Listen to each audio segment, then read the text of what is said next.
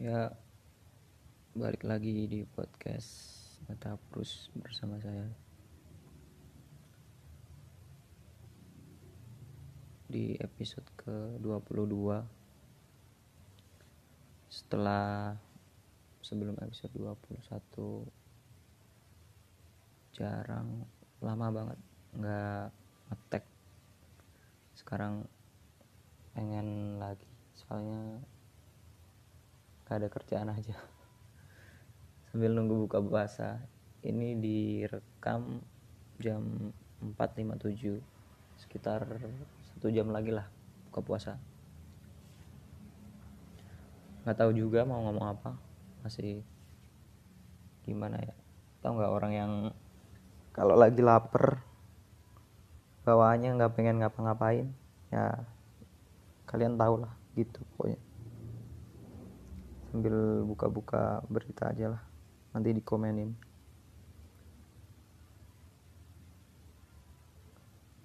Puasa. Sekarang puasa hari ke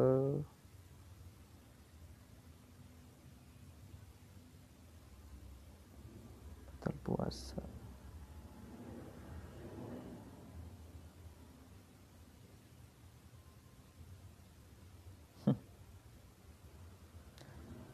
nggak tahu orang-orang.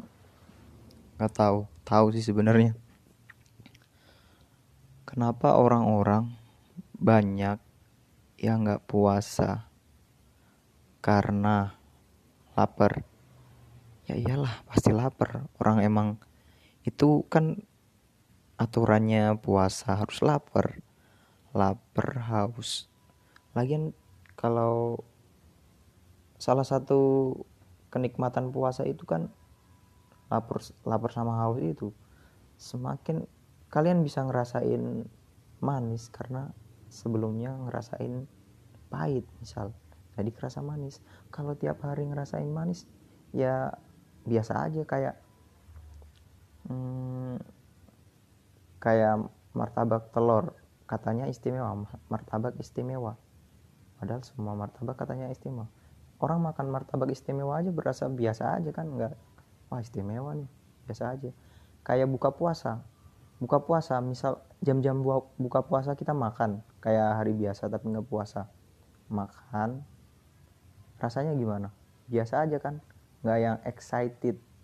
Kalau puasa kita makan jam mana ada sih orang di hari biasa makan jam 6 pas maghrib makan? Jarang banget orang males pasti.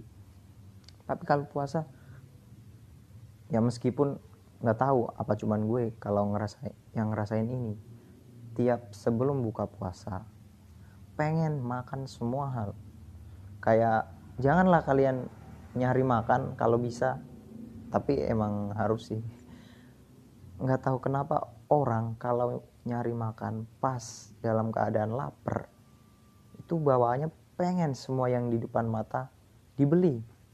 Asli kayak ada kolak dibeli gorengan dibeli bakso dibeli ayam apa mungkin dibeli. Semuanya dibeli buah-buahan dibeli. Pas waktu buka minum air minum kolak habis itu langsung nggak bisa ngapa-ngapain. Terus ini diapain habis itu ketiduran kan gara-gara kekenyangan. Tidur ketiduran sholat kelewat. Bahkan sahur juga males-malesan ngantuk makan sedikit ketiduran lagi besok-besok lapar. Emang penyesalan itu selalu datang belakangan. Gak mungkin dari awal. Janganlah kalian paksain belanja makanan pas lagi lapar-lapar itu bahaya banget asli semua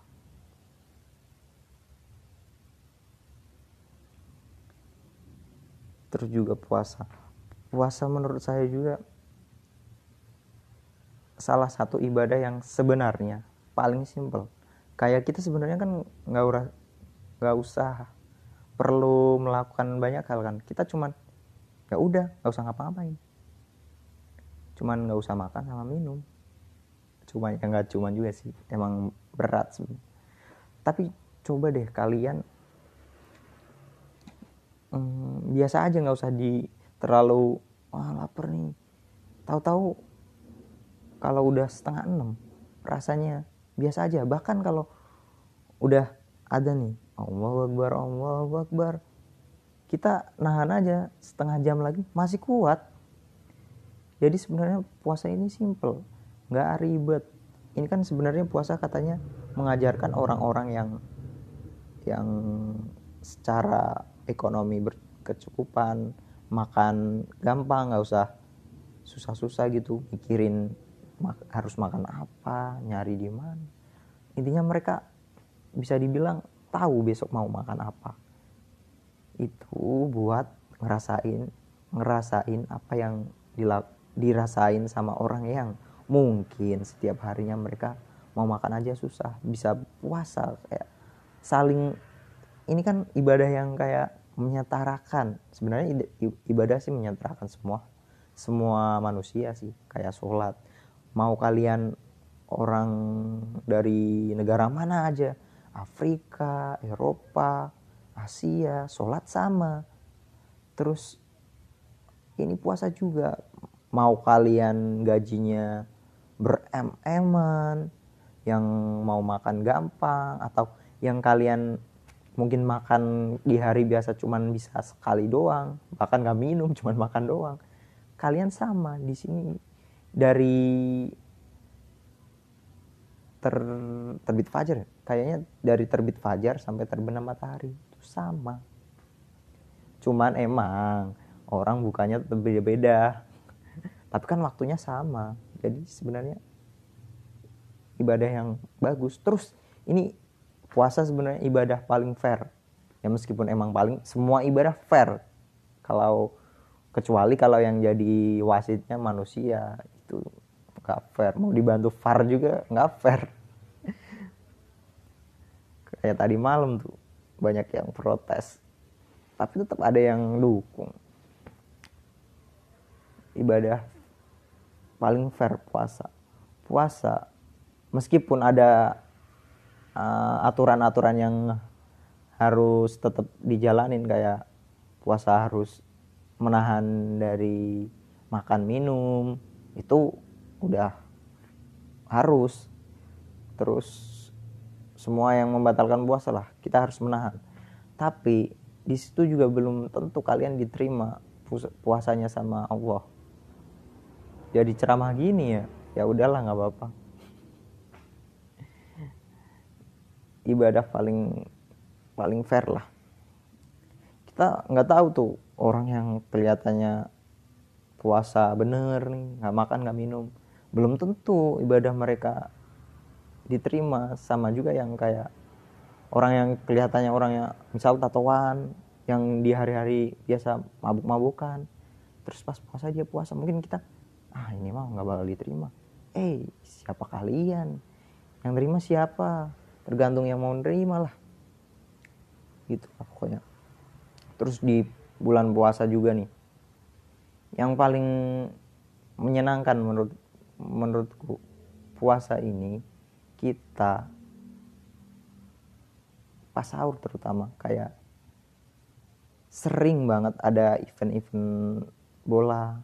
Jadi kan yang biasanya di hari biasa kita harus meluangkan waktu buat bangun subuh sebelum subuh bahkan jam 2 jam 3 buat nonton bola. Tapi kalau bulan puasa kita sekalian ibadah coy.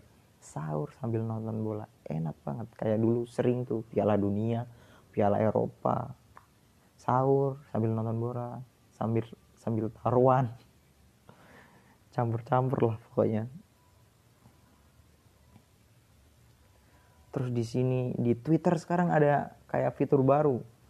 Nggak tahu kenapa ini Twitter dari tadi nggak tahu kenapa. Emang kayaknya nggak ada yang tahu. Banyak hal yang gue tahu sih emang bener. Ada fitur baru space semacam diskusi gitu. Diskusi apa enggak sih sebenarnya? Dengerin orang ngomong sih sebenarnya lebih tepatnya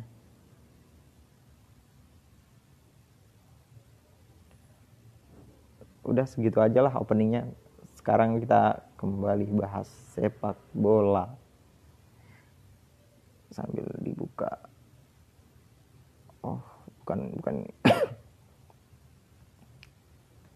Sepak bola minggu minggu ini sangat ramai. Bukan karena bolanya tapi ada eh, kasus apa skandal sangat ramai tentang wacana ISL European Super League Liga Super Eropa. Di mana wacana itu dibentuk oleh 12 klub besar. Mereka mau bikin liga yang eksklusif gitu. Yang katanya sih sistemnya 12 ini 12 tim ini bakal jadi penghuni liga ini tetap ditambah beberapa undangan dan banyak banget yang nggak terima yang menentang. Hmm, lihat tweet-tweetnya baca aja biar lebih enak soalnya daripada so tahu nanti banyak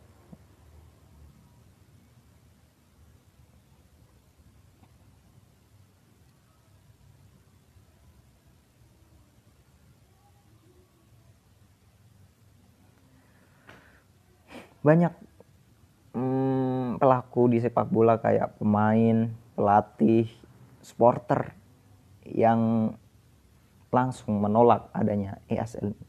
Karena apa? Bisa dibilang hampir murni 75% lebih mungkin ESL ini murni karena duit yang di mana itu udah di luar dari sepak bola itu sendiri yang olahraga uh, ini ada kayak trade gitu kami sudah bahas Super League dari sudut pandang ekonomi klub sekarang kami mau bahas dari sudut pandang pemain dan pelatih apa benar mereka tak dilibatkan dalam pengambilan keputusan seperti kita tahu, belum banyak pelatih dan pemain dari klub peserta Super League yang berkomentar langsung. Yang kita tahu hanya Jurgen Klopp dan James Milner dari Liverpool, serta Thomas Tuchel dari Chelsea. Klopp dan Milner sama-sama kompak menyatakan ketidaksetujuannya. Milner bahkan berharap Super League ditiadakan. Selain itu, Klopp menyatakan dia dan pemain sama sekali tak dilibatkan soal keputusan terkait Super League ini. Klopp juga bilang bahwa dia cuma tahu dikit doang. Namun Liverpool punya pembahasan sendiri soal ini. Klub dan pemainnya ngadain meeting bagi buat ngadain meeting pagi buat ngebahas ini. Intinya klub ngasih tahu ke pemain agar fokus mereka nggak teralihkan karena muncul kabar Super League ini karena banyak yang nggak setuju. Lagian Super League ini menurut menurutku ya nggak masuk akal banget kayak liga tapi nggak ada sistem degradasi promosi. Jadi ini kalau emang beneran nyari duit sih ada klub pasti yang kayak ah bodo amat kalah yang penting duit mau peringkat terakhir juga yang penting duit kan. Uh, pasti kemungkinan kompetisinya bakal agak mungkin uh, papan atas 1 2 3 bakal sengit karena mereka merebutkan duit yang lebih banyak. Tapi kalau yang di peringkat terakhir mereka slow-slow aja. Malah ini kayaknya juga bakal hmm, membuat kemungkinan pengaturan skor lebih banyak gak sih? Kayak yang peringkat terakhir di dikasih duit gitu buat ngalah. Mereka pasti fine fine aja lah. Emang tujuannya buat duit doang nggak ada kompetisinya sama sekali kan? Terus juga hmm, sistemnya ini agak yang aneh lagi apa ya? Ah lupa tadi mau ngomong apa anjir. Tapi ada juga yang setuju.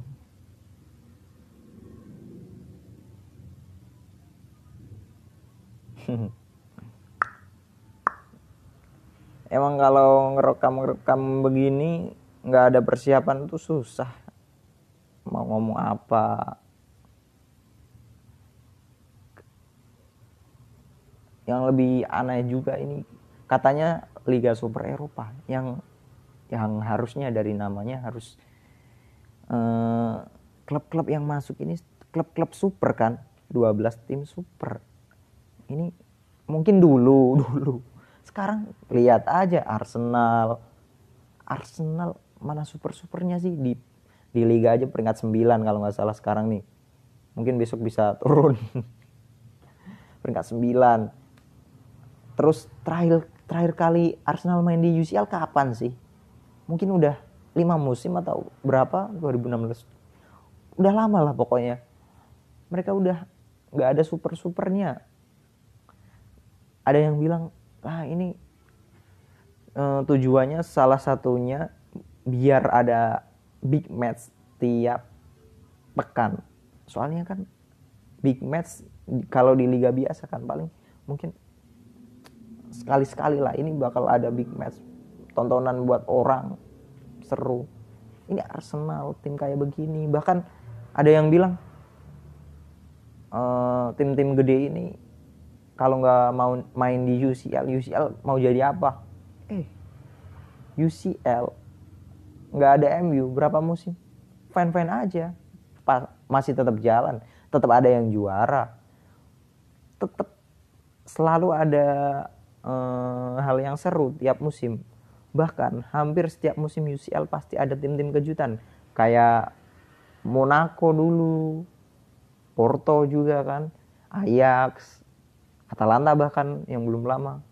Ini tim-tim kayak gini nggak akan ada di European Super League. Ada yang bilang MU nggak ada di UCL bakal sepi. MU MU di UCL tahun ini aja cuman fase grup Arsenal bahkan nggak ada Arsenal biasa-biasa aja UCL mungkin bahkan kalau ada Arsenal di UCL bahkan ya nyampe babak fase grup juga paling. Jadi nggak usah terlalu merasa klub yang banget banget dibutuhin sama UCL lah. Kayak AC Milan. Peraih tujuh gelar UCL gak main di UCL udah berapa tahun. Dan biasa aja tuh. Real Madrid bahkan peraih gelar terbanyak kalau nggak ikut di UCL Real Madrid setelah juara tiga kali mentok cuma sampai 16 besar. Apakah UCL-nya bakal terhenti? enggak lanjut terus. UCL ini menurut saya secara format udah bagus banget. Mungkin secara pengelolaan dana atau wasit itu kan beda lagi kan. Ngapain gimana ya yang salah salah kan kayak federasinya mungkin ada korupsi atau apalah. Terus wasit. Yang masalah kan di situ kenapa ada masalah begini solusinya bikin kompetisi baru. Kan nggak masuk akal gitu. Kalau satu-satunya alasan paling masuk akal bikin ESL ini ya cuman murni duit. Kalau masalah kompetisi sih nggak sama sekali. Tim-tim kayak Arsenal seneng-seneng aja mereka diajakin begini. Mereka kan udah lama nggak masuk di UCL juga kan di Liga Inggris. Susah banget mereka. Tim-tim kayak AC Milan yang baru mulai ada peningkatan musim ini kan. Juventus juga yang terus juga yang lumayan getol buat buat bikin UCL kan klub-klub yang kayak dari liga-liga yang kurang kompetitif kan. Liga Inggris tuh kayak cuman ikut-ikutan doang kalau menurut saya. Juventus, Barca, kan ya mungkin kalau ada pertandingan Juventus Inter, Juventus Milan gitu kan rame. Tapi kalau sama tim-tim kecil siapa yang mau nonton? Gak ada. Jadi mereka merasa kayaknya kalau dibikin barengan gitu bakal banyak penghasilan mereka. Ya mungkin mereka murni frustasi lah pendapatan mereka segitu segitu segitu segitu aja. Ya jadi ESL ini nggak masuk akal sih